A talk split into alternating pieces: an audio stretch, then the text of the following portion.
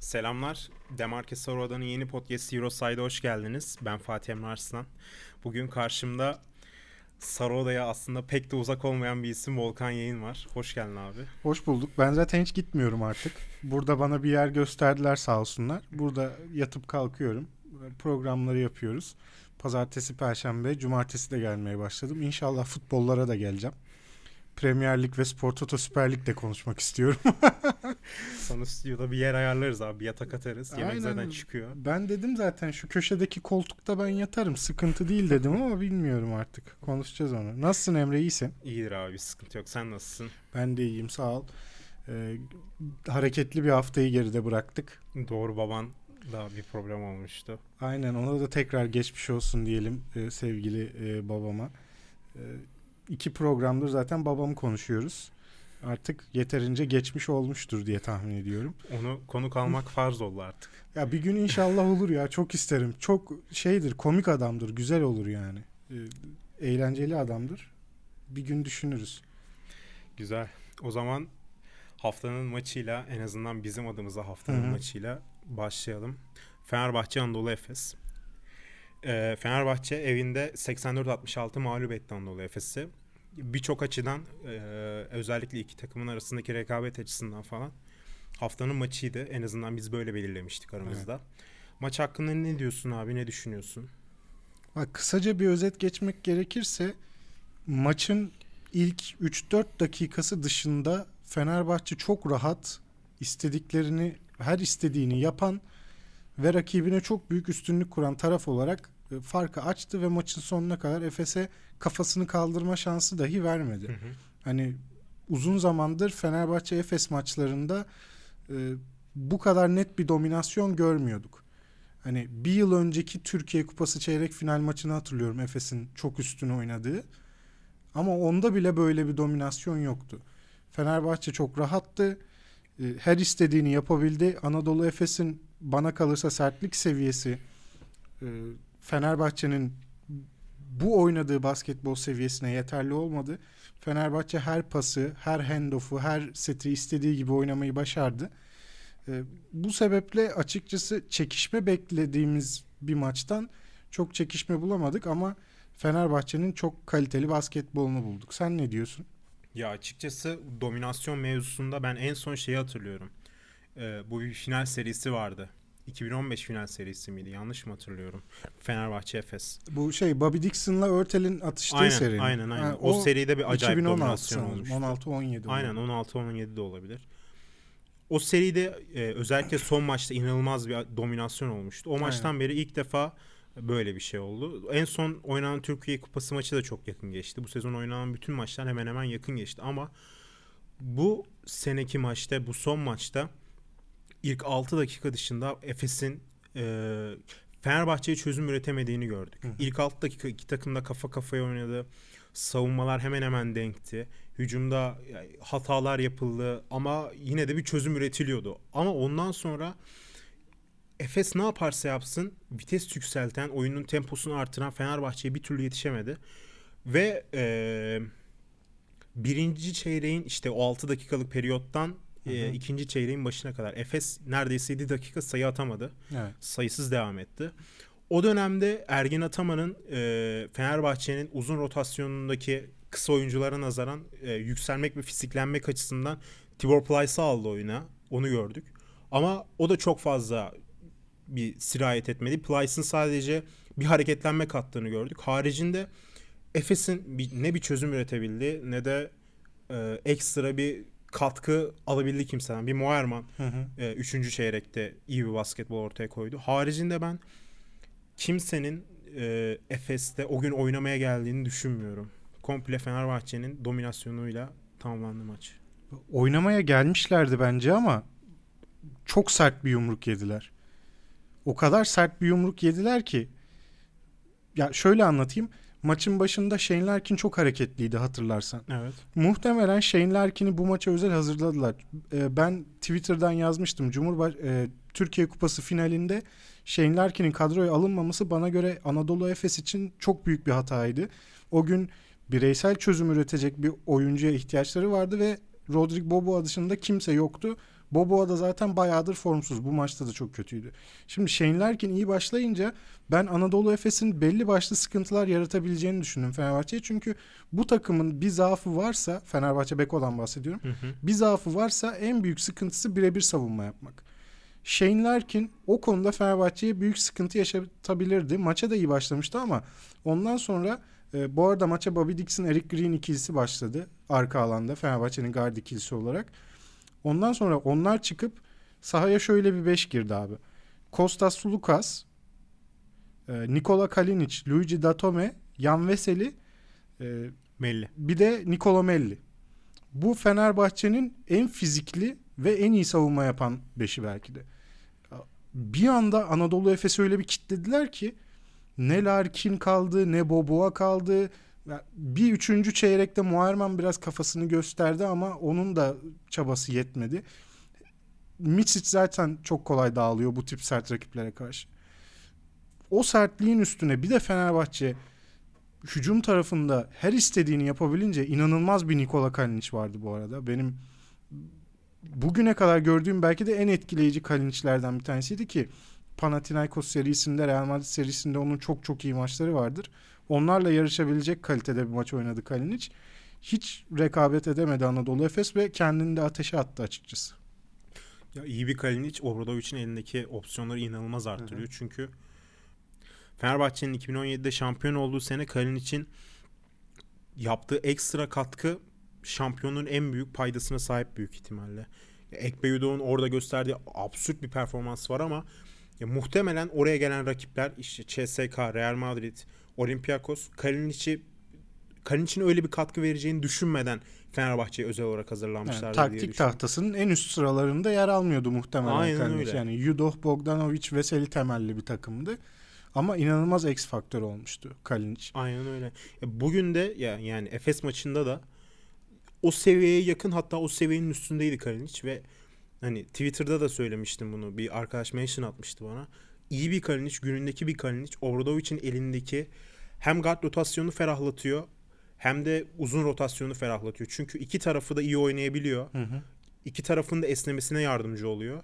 Hani dileriz böyle devam eder. Çünkü böyle devam ettiği takdirde Fenerbahçe'nin elini acayip rahatlatıyor Kalinic. Aynen öyle. Zaten Nikola Kalinic'in Fenerbahçe Beko'ya kattığı en büyük artı bu adam değişme savunmasında Efes'e karşı yine yaptı Obradovic bunu. O bahsettiğim 5 oyuna girdikten sonra. Adam değişme savunmasında Anadolu Efes mesela pivotlarını bulmaya çalıştı ama şöyle stratejik bir hata yaptılar. İkili oyunu hep Kalinic'in adamından Datome'nin adamından oynadılar. Guard'la bırakamadılar aşağıda pivotlarını. Şimdi Kalinic kaldığı zaman orada pivotun önüne geçip öyle bir savaşıyor ki siz tuzağa düşmüş oluyorsunuz abi. Orada Kalinic'le bir ters eşleşme var zannediyorsunuz ama aldırmıyor Kalinic o topu. Zaten topa da iyi baskı yaptığınızda arkadan da yardım gelmeye hazır. Fenerbahçe Beko sizi o adam değiştirme savunmasında tuzağa düşürüyor. Hani ters eşleşmeyi atak edeceğim derken bir anda çamura saplanıyorsunuz. Top hareketi duruyor, topsuz oyuncuların hareketi duruyor. O pası geçirmek için bütün odağınız oradayken bir bakmışsınız 24 saniyede olmuş. Yani böyle çok pozisyon oldu Fenerbahçe Beko Anadolu Efes maçında. E, o yüzden e, bana kalırsa Ergin Ataman stratejik olarak tepe ikili oyunu değil de daha çok Bobo ve Larkin'in birebirleri üzerine bir plan kurmuş olsaydı Fenerbahçe'yi daha fazla rahatsız edebilirdi. Ama Misic oyuna girdikten sonra özellikle yine tepe ikili oyunlarından bir şeyler yaratmaya çalıştılar ve Fenerbahçe onları çok iyi savunuyor. Ya şöyle dediğin şey örnek vereceğim. İkinci çeyrekte özellikle e, Plyce oyuna girdikten sonra fizik olarak büyümeye çalışmıştı Efes. Hı hı. Ama orada hani az önce dediğin şeyin birebir örneği Kalinic Plyce inanılmaz savundu. Üst üste 2-3 pozisyonda hem oyununu bozdu hem blokladı vesaire. Efes'in oradaki B planı da bozulunca tamamen çuvalladı takım. Artı Mitsic'in şöyle bir sıkıntısı oldu. Mitsic şut sokamayınca tamamen bir oyun kurucu mentalitesine döndü. Tamamen bir asist yapayım, takım arkadaşlarımı oynatayım mentalitesine döndü. Halbuki hani en olmaması gereken şeydi belki de bu Efes için. Hı hı. Çünkü hani skor anlamında bir kıtlık yaşanıyor. E, skorer yok. Hı hı. Larkin kitlenmiş. Boba kötü. Hani Muharman o dönemde kendini bulamamış. Hani bir tek oynayabileceği ikili oyunlarda Plyce var ve Plyce'ı da hani Fenerbahçe'nin o uzun rotasyonu artı Kalinic arasında ne kadar verimli kullanabilirsin o tartışılır. Ki zaten dediğin gibi en iyi savunma beşi Fenerbahçe'nin o dönemde oyundaydı. Bu, bu arada Ergin Ataman'dan bahsettin. Ergin Hoca inanılmaz sakindi maçta şeye karşı, tribüne karşı. Tribün tepkisi malum Ergin Hoca'ya karşı. Hani hep oluyor ama bu maçta özel bir şey vardı Ergin Hoca'ya. Her maç, her maçta var. Yani. Ülker Sports Arena'da maç izlediyseniz, bir Efes maçı seyrettiyseniz mutlaka bir kere şahit olmuşsunuzdur. Her maçta zaten öyle bir tepki var. Ee, Doğuş Balbay'a da biraz tepki vardı. Son Türkiye Kupası finalinde maçın sonunda e, Sulukas'a yaptığı hareketten rahatsız olan Fenerbahçeliler vardı. E, yani Ergin Ataman'ın ben sakinliğini biraz bu maçın Euroleague maçı olmasına bağlıyorum. Çünkü e, kendini de parçalasa Euroleague hakemleri masa işte yabancı falan olduğu için tribünden ne söylendiğini çok anlamayacaktı. Hani mola alsana vesaire o tezahüratlar şimdi Türkiye liginde bir maçta hakeme itiraz ettiğinizde belki anons ya da e, oradaki taraftarlara bir uyarı vesaire getirebiliyor ama Euroleague'de böyle bir şey yok. O yüzden sakin kaldığını düşünüyorum. Bir de e, takımının oyunun içine giremeyeceğini erken fark etti bana kalırsa. Biraz umudu da erken kırıldı. Onun da etkisi olabilir. Ben maçla alakalı son bir şey söyleyecektim pası sana atmadan Hı-hı. evvel onu söyleyeyim. Anadolu Efes'in stratejik yani hücumdaki stratejik hatasından bahsettim. Bir de evet. abi savunma tarafında Fenerbahçe'ye bu kadar rahat oynama şansı verirseniz bayıltıyorlar abi. Böyle savunma yapma şansınız yok. Fenerbahçe gibi, Real Madrid gibi, CSKA Moskova gibi rakiplere karşı. Abi Fenerbahçe yapmak istediği her pası hiçbir sıkıntıya, hiçbir sıkıntı görmeden, hiçbir engellemeye maruz kalmadan yapabiliyor. Şimdi Fenerbahçe'nin üst üste kaybettiği bir maçlar vardı. Hatırlıyor musun? Galatasaray'a. Evet, evet. E, ondan periyo, önce Banvit'e. Abi orada zaten Fenerbahçe'nin en büyük sıkıntı yaşadığı şeyin ne olduğu çok net görüldü. Abi bu özellikle Sulukas tek başına sahadayken gard olarak topa çok iyi baskı yapabilirseniz atletik oyuncularınız varsa topa çok iyi baskı yapabilen ki Efes'te Doğuş Balbay var mesela. Hı Boboa da eğer iyi odaklandıysa rahatsız edebilir. Abi Fenerbahçe'yi bozabiliyorsunuz. Yani Anadolu Efes'in bunu tercih etmemesini ben şaşırıyorum. Doğuş'u çok az kullandı mesela.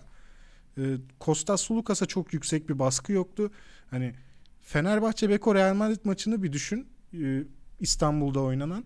Abi pası geçtim. Handoff'ları bile 2-3 temas almadan yapamıyordunuz. Öyle bir sertlik vardı. Anadolu Efes eğer Final Four yapmak ve Final Four'da e, ilerisine gitmek, şampiyonluk kazanmak gibi hayalleri varsa bu sertlik seviyesine ulaşabiliyor olması lazım.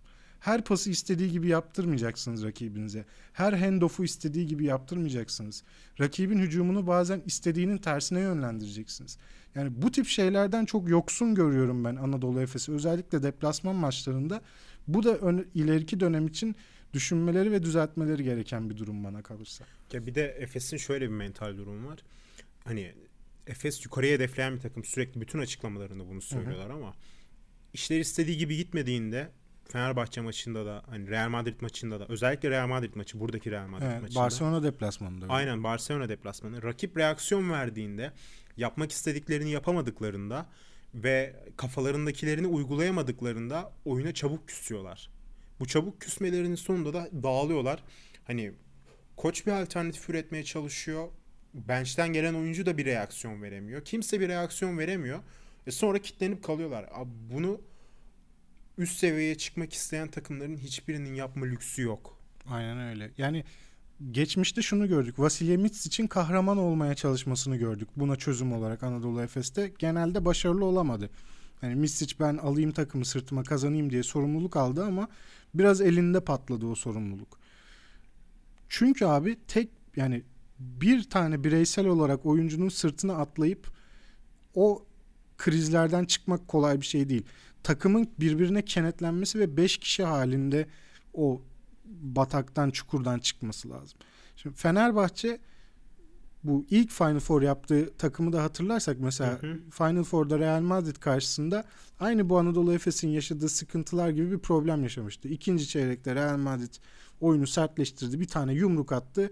Devrildi Fenerbahçe ve e, kendi kendine dönüş için debelenirken maç bitti. Şimdi Anadolu Efes de yaşıyor bunları. Yeni kurulmuş bir kadro olduğu için evet belli bir süre bunun devam etmesi normaldir. Ama gelişim görmüyoruz. Problem orada.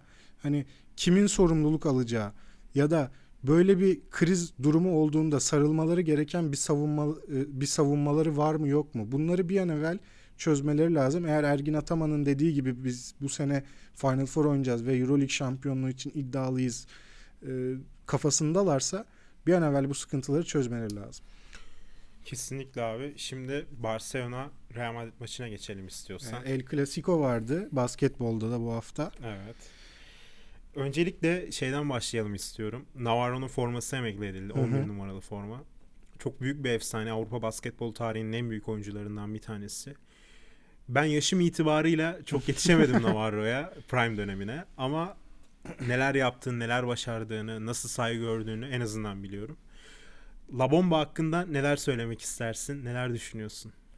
Juan Carlos Navarro e, yaşı yetmeyenler varsa YouTube'da çok yeterli içerik var yani onu iz, yani mutlaka izlesinler. Eyvallah bana da Ee, vurdum burada. Yok canım ben izlemişsindir diye tahmin ettim vurmak için söylemedim. Yani Juan Carlos Navarro çok büyük bir skorerdi.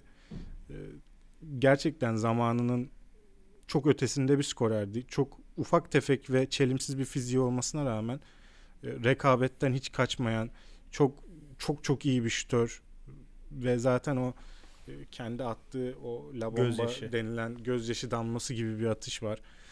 Onunla özdeşleşen çok özel bir adamdı. Barcelona tarihinin de e, hani Pau Gasol'ün çok kısa oynadığını düşünürsek Barcelona tarihinin sanırım en e, dominant, en önemli basketbolcusu diyebiliriz. E, Euroleague tarihinin de çok önemli bir parçası. Formasının emekli edilmiş olması, onurlandırılmış olması güzel bir şey. Çok da duygulanmış e, gördüğüm kadarıyla. Sen izlemişsin sanıyorum. Sen neler söylemek istiyorsun bu konuda? Ya ben Navarro'yu açıkçası hep o maça odaklanmış haliyle gördüğüm için hep çatık kaşlı, Hı hı. odaklanmış haliyle görünce dünkü hali çok acayip geldi bana. Gö- gözleri hafif hafif dolu böyle. Tribünde Navarro sesleri. Ee, ya acayipti adam çok duygulandı ve hani Barcelona'yı burada takdir etmek lazım. Çünkü Navarro emekli olduğundan beri onun için çok özel törenler düzenliyorlar. Çok Hı hı. özel etkinlikler yapıyorlar ve bunların hakkını da veriyorlar. Hani gerçekten umarım ilerleyen yıllarda Türkiye'de de bu kültür oluşur. Ve şu anda Fenerbahçe Beko forması giyen ne bileyim ya Veseli bunu istediğini hep belirtiyor zaten. Hı hı. Ne bileyim Veseli olur. Gün gelir başkasına olur. Belki Boktan döner ileride. Boktan'a yapılır. O zor gibi Büyük gözüküyor ihtimal ama çok zor ama. şu an bayrak adam olarak ilk Veseli. şey Veseli var. Aynen öyle. Ee, Umarım altyapıdan yetişen oyunculardan birkaçı Fenerbahçe'de, Anadolu Efes'te, diğer takımlarımızda böyle bayrak oyuncu olup ileride mesela forması emekli edilenler arasına girebilir. İşte Tarık Biberoviçler çıkan diğer Efe Ergi Tırpancı. Hı hı. Bu tip oyuncular olsa mesela çok keyifli olur. Veseli de tabii ki şu an Fenerbahçe taraftarının gönlünde taht kurmuş bir isim. Umarım daha da uzun yıllar oynayıp kariyeri bit- burada biter. Ee, biz de onun e, forma emeklilik seremonisinde gözyaşlarımızı tutamayız. Hüngür hüngür ağlamakla. ben ben muhtemelen çok duygulanırım. yani. Ben de ya çok duygulanırım. Çünkü Veseli'nin ilk geldiği seneler benim basketbol tamamen böyle anladığım artık tamamen oturup izleyebildiğim senelerdi. Hani şu döneme kadar eee, açıkçası bütün Fenerbahçe basketbol anılarımda Veseli var. Hepsinde Veseli var. Hı hı. İyilerinde de var, kötülerinde de var. Kötü serbest serbest atış attığı finallerde de var Hı hı. çıkıp Yudo'la acayip bir maç oynadıkları final de var. O yüzden Veseli'nin böyle bir e, şerefe nail görülmesini çok isterim ben. Aynen öyle. Şeye dönelim istersen Maça. Barcelona Real Madrid maçına. Ya Açıkçası bu maç birazcık sıkıntılı bir maçtı. Zira en son e, Kral Kupası'nda biliyorsun birazcık olanları. Evet. Hakemler vesaire. Ki o hakemin e, FIBA'dan istifa ettiği de son olarak düşmüştü Eurohops'a. E, artık FIBA'da maç yönetmeyecek. Sadece Euroleague ve Lig'de. Çok lütfetmiş. Ya işte problemli bir maç yönettiler. Bir de Real Madrid gibi Barcelona gibi çok büyük kulüpler tepki gösterdiği zaman tabii Hı hı. onu göğüslemek zor oluyor. Aynen öyle. Ee, Biraz maçla alakalı şunu söyleyeceğim ben. Hı hı. Seyrettim çok e, zaten bir önceki maçın gergin olması sebebiyle e, keyifli bir maç olmasını bekliyordum. O yüzden ekran başına geçtim ama Spor Toto Süper Lig'deki Fenerbahçe Galatasaray derbileri gibi oldu biraz. Kavga dövüşlü mü? Yani kavga dövüşlü ve müca- yani oyun kalitesinden çok mücadelenin, tartışmanın, işte hakeme itirazın falan görüldüğü, oyunun sürekli durduğu yani bir gerçekten Spor Toto Süper Lig futbol maçı kadar oyunun durduğu aşırı sert bir mücadele. Ee, buradan ama e, Barcelona e, galip çıkmayı başardı.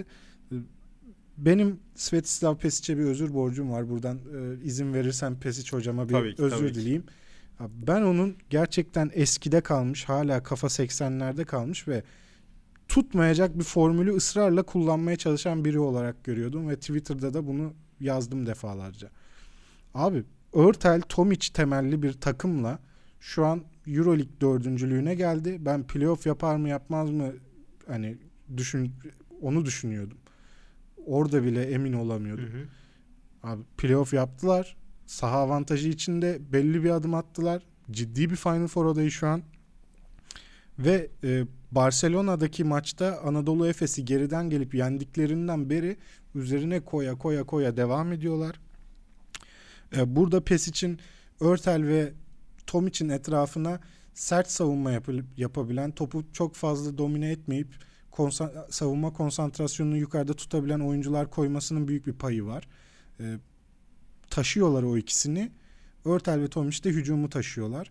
E, Real Madrid'in de yaratıcı oyuncuları özellikle çok formsuzdu. Campazzo, Campazzo, Sergio Llull e, başta olmak üzere. Rudy Fernandez dışında zaten dış oyunculardan hiçbir katkı alamadı Real Madrid.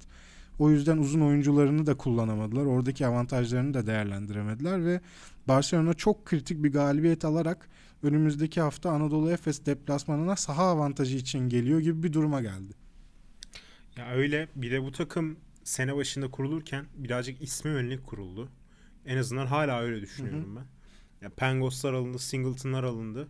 İsim olarak iyi bir kadro ama nitelik olarak iyi bir kadro değildi sene başında. Dediğin gibi Efes deplasmanından sonra iyice vites arttırmaya başladılar.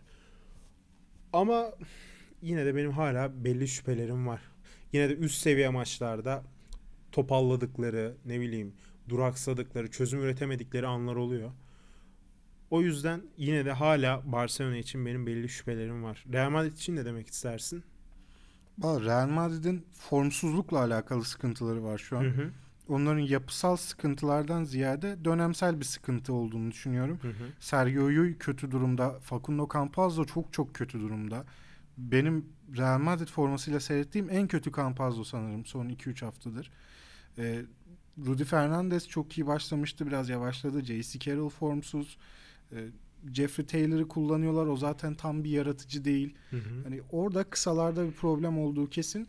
Kısalar zaten işlemediği zaman onların uzunları da e, Anthony Randolph dışında kendi üretim yapan oyuncular olmadıkları için Real Madrid'de bir tıkanıklık oluşuyor. E, dünkü maç bir de çok gergin, deplasmanda Barcelona çok agresif vesaire. Hani o maçı kaybetmelerinden çok büyük anlamlar çıkartmamak lazım bana hı. kalırsa. Real Madrid hala bence en büyük favorilerden. Bir tanesi EuroLeague şampiyonluğu için e, Barcelona için çok iyi bir galibiyet ama ben tekrar şunu söyleyeceğim. Örtel Tomic temelli bir takımın yani ana parçaları bu kadar defolu bir takımın Hı hı. çok çok büyük hedeflere gideceğine ben hala inanmıyorum. Gidebilirlerse bir daha özür diler. Pesic hocama şapka çıkarırız. O ayrı mevzu. Ben, ben de öyle. Özellikle Örtel konusunda Efes günlerinden sonra epey bir soru işareti var kafamda. Şimdi gelelim haftanın son önemli maçına. Olympiakos CSK. Abi ne demek istersin bu maç için? Vallahi Belet hocam yine yüzleniyordu az daha. aynen David Blatt hocam ben çok sevdiğim için Blatt hocayı başarılı olsun istiyorum ama bu takımın gerçekten bir yere gitmediği çok belli ya.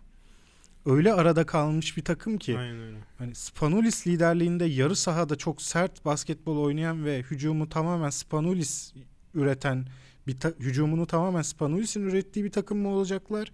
Yoksa David Blatt'ın hayal ettiği gibi atlet, geçiş hücumunu çok iyi oynayan ve topa baskı yapan bir Olympiakos mu olacaklar? Buna bir türlü karar ver, karar veremediler. Hı hı. Arada kaldılar ve ikisini de tam oynayamayan saçma sapan bir takım oldular. CSKA Moskova'ya baktığınız zaman e, bu maçta inanılmaz bir basketbol oynamış gibi değil. Bireysel yetenekleri sayesinde Olympiakos'un birebir savunması problemli oyuncularının üzerine atak ederek tamamen bu plan üzerinden 20'ye e, yatırdılar Olympiakos'u. Ya bu kadar kolay yenemiyor olması lazım. Hiçbir takımın Olympiakos'u deplasmanda. Şimdi David Blatt bu özgüveni kaybet kaybeden takıma nasıl bir enerji verecek? Nasıl inandıracak oyuncuları bu plana, kendi planına? Onu bu saatten sonra bilmiyorum. Artık playoff sıralamasında da bayağı e, topun ağzına geldiler. Dışarıda Hı hı. kalma noktasındalar.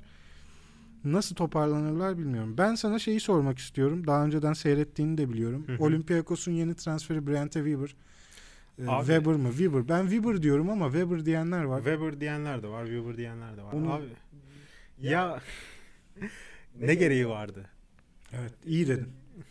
Ne gereği vardı? Yani Weber eğer ya Weber, Weber hangisiyse artık hücum skalası inanılmaz dar bir adam.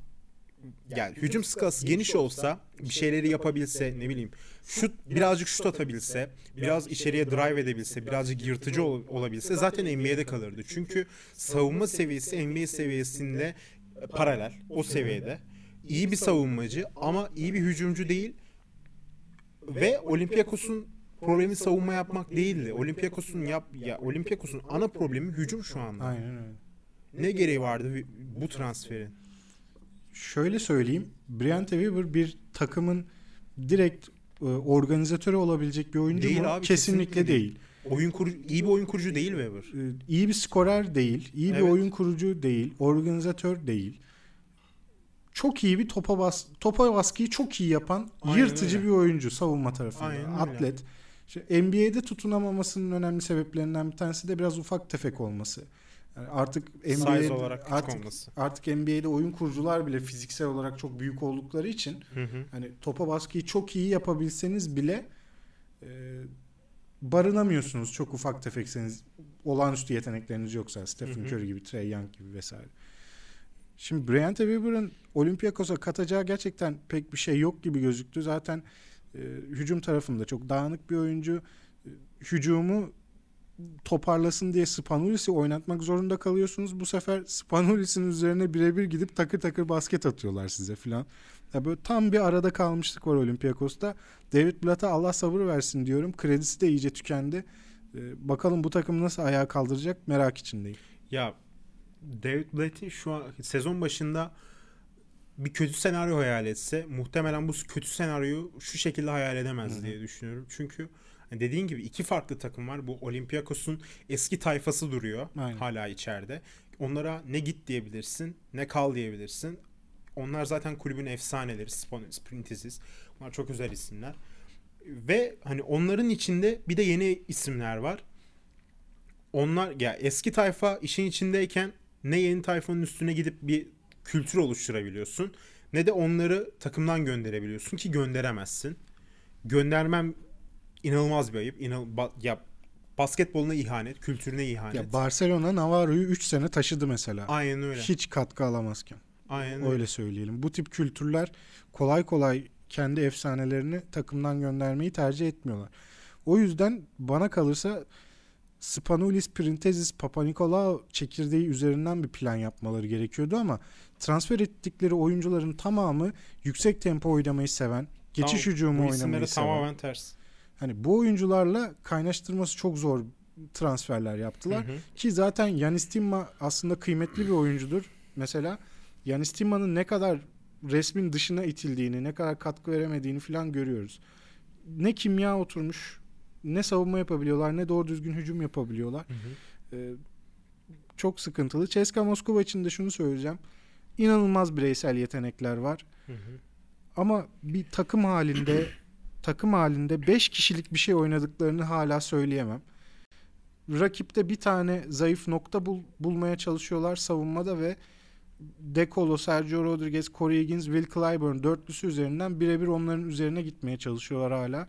Şimdi bu planla hesaplanan şampiyonluğa ulaşabilirler mi? Ondan çok emin değilim. Ya saldır saldır saldır bir şey bul ondan devam et gibisinden oynuyorlar ama rakip onlara o payı vermediği sürece bu, bunun bir getirisi yok. Bu şampiyonluk oyunu değil. Bu bir sistem basketbol da değil. Bu e, belirli bir planın parçası da değil. Bu tamamen günlük strateji. Hı hı. Ben de CSK'nın şampiyonluk ya tabii ki içerisinde CSK isim varsa tabii ki şampiyonluk favorisidir şu kadrosuyla Hı hı. ama yine de CSK'nın EuroLeague şampiyonluğu için bir basketbol oynadığını düşünmüyorum dediğin gibi. Yani birebir oynamanın da bir adabı var. Şimdi Aynen iki- öyle. 2-3 pas üstünden savun rakip savunmayı biraz hareket ettirip atak etmek var. Evet. Bir de tepede hiçbir şey yapmadan dümdüz Will Clyburn'un potaya koşması falan var. Anlatabiliyor muyum? Yani o tip sıkıntılar var CSKA Moskova'da ve Dimitris Itudis biraz kontrolü kaybetmiş gözüküyor. Yani takım çok rahat öndeyken panik panik hareketler, hakeme itirazlar falan. Abi bir dur ya. Abi eskiden onu şey yapardı. Takımı geriye düştüğünde el kol sallardı. Bağırır çağırırdı. Şimdi her sürekli onu yapıyor. Delirttiler hocamı. Hocamı da yediler. Itudis'in halini de iyi görmüyorum. Ee, o maçı da geçelim istiyorsan. Evet. Ee, haftanın beşine gelelim. Haftanın en iyi 5'i artı haftanın koçunu seçeceğiz. Evet. Ee, ikimiz de kendi beşlerimizi yazdık ve birbirimize söylemedik. Sürpriz olacak şimdi. Evet. Ben mi başlayayım sen mi söylemek istersin? Başla sen. Tamam. Ee, benim e, ilk seçtiğim oyuncu bu hafta Ante Tomic'ti. Hı hı. Real Madrid maçında inanılmaz oynadı. Vintage Tomic zaten Hı hı. Euroleague hesabı da öyle postladı onu. Ee, 23 sayı 13 rebound yanlış bilmiyorsam ve 77 sayının 23'ü çok verimli bir maç oynadı. Nikola Kalinic zaten daha uzun uzun anlatmaya gerek yok. Aynen öyle. Olağanüstüydü. Sergio Rodriguez Olympiakos deplasmanında yine inanılmaz bir büyücü ya. İzlemek çok büyük keyif. Bana kalırsa Miloš Teodosic'ten bile daha büyük bir güç CSKA Moskova için. Yerine geldiği oyuncunun da Hı hı. üzerine koydular. Ee, o da bu hafta çok iyiydi. Double double yaptı. Hı hı. Ee, Panathinaikos'tan Nick Galates'i yazdım. Bu maçı çok dikkatli seyrettiğimden falan değil ama istatistiklere falan bakınca şimdi deplasmanda 99 sayı atmış bir Panathinaikos'tan da oyuncu almayacaksam kimi alacağım diye düşündüm açıkçası. Son oyuncuyu da Maccabi Tel Aviv'den Tarik Black seçtim. 7'de 7 şut isabetiyle 17 sayı 8 rebound yapmış. Çok iyi bir maç. Hı hı. Benim beşim böyle. Benim beşimde şu şekilde Kostas Lukas önemli bir e, kilometre taşını geride bıraktı. Bin sayıyı geçiyor ligde. Her ne kadar top kayıpları yapsa da o birazcık can sıksa da sonuç olarak böyle bir maçtan sonra Sulukas'ı onurlandırmak gerekir diye düşünüyorum. Bir numaram o. İki numaraya Sergio Rodriguez'i yazdım. Üç, e, Panathinaikos'un galibiyetinde iki isim izlediğim kadarıyla öne çıktı. Hı hı. Bir, Tanyas Antetokounmpo, iki de Papayanis. Aynen Antetokounmpo da iyi oynamış. Aynen. 3 numaraya Antetokounmpo'yu yazdım. 4 Michael Roll'la iyi bir ikili oyun oynadılar maç boyunca.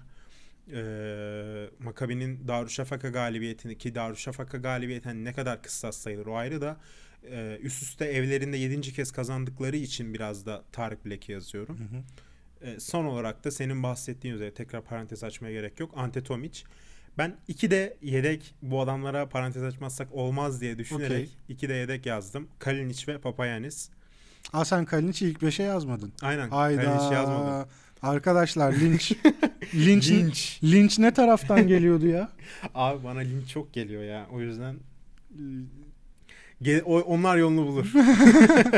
E, İkinci yedeğin kimdi? Kalinic dışında. Papayanis. Papayanis. Ha, evet Papayanis de çok verimli oynamış ama Papayanis sonuçta.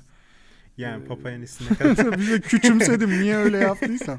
Abi NBA'ye gitti ya. Ben Papayanis artık gözümden çok Abi çok seçil- çok kötü bir oyuncu gibi geliyor seçildiği sürekli. sıra ve gösterdiği performans itibarıyla Evet abi ya. ama o draft'in hepsi komple saçma sapan seçildiği için İyi de abi Papayanis'i de 13'ten almazsın yani. Ay, Demarcus Cousins'ın attığı tweet'i hatırlıyor musun? acayip bir tweet. Allah'ım sabır ver diye resmen resmen Allah'ım sabır ver yazdı çocuk. Evet koçumuz Svetislav Pešić yani bu hafta haftanın en büyük maçıydı. Hı hı. Barcelona için çok kritik bir maçtı. Bir kez daha mağlubiyetler Real Madrid'i bence en büyük işi Pesic yaptı. Ben de Pesic yazdım. Orada anlaşabilmişiz. Aynen. Ee, MVP'yi kime verdin? Haftanın MVP'si. Haftanın MVP'si Tomic. Valla ben Nikola Kalinic dedim. Gerçekten o kadar büyüledi ki beni bu haftaki maçta. Ee, ödül Ante Tomic'e gidecek bu arada onu söyleyebiliriz çok net ama Büyük benim ihtimal. Verimlilik puanı acayip yüksektir onun çünkü. benim gönlümün e, MVP'si Nikola Kalinic Hatta oldu. bakayım ne, kaçmış Tomic'in verimlilik 23 sayı 13 rebound en az 30'u vardır herhalde 28 puanı. 30. Bakalım. Görlük sitesi bir açılsa keşke de. Evet. 28.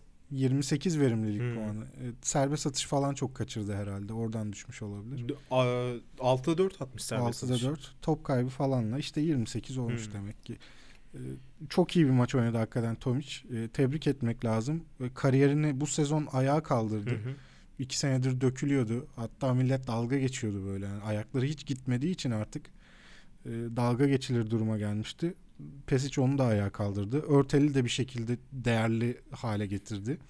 İkisini beraber taşıyorlar. Vallahi ben bir hafta Pesic konuşabilirim bundan sonra.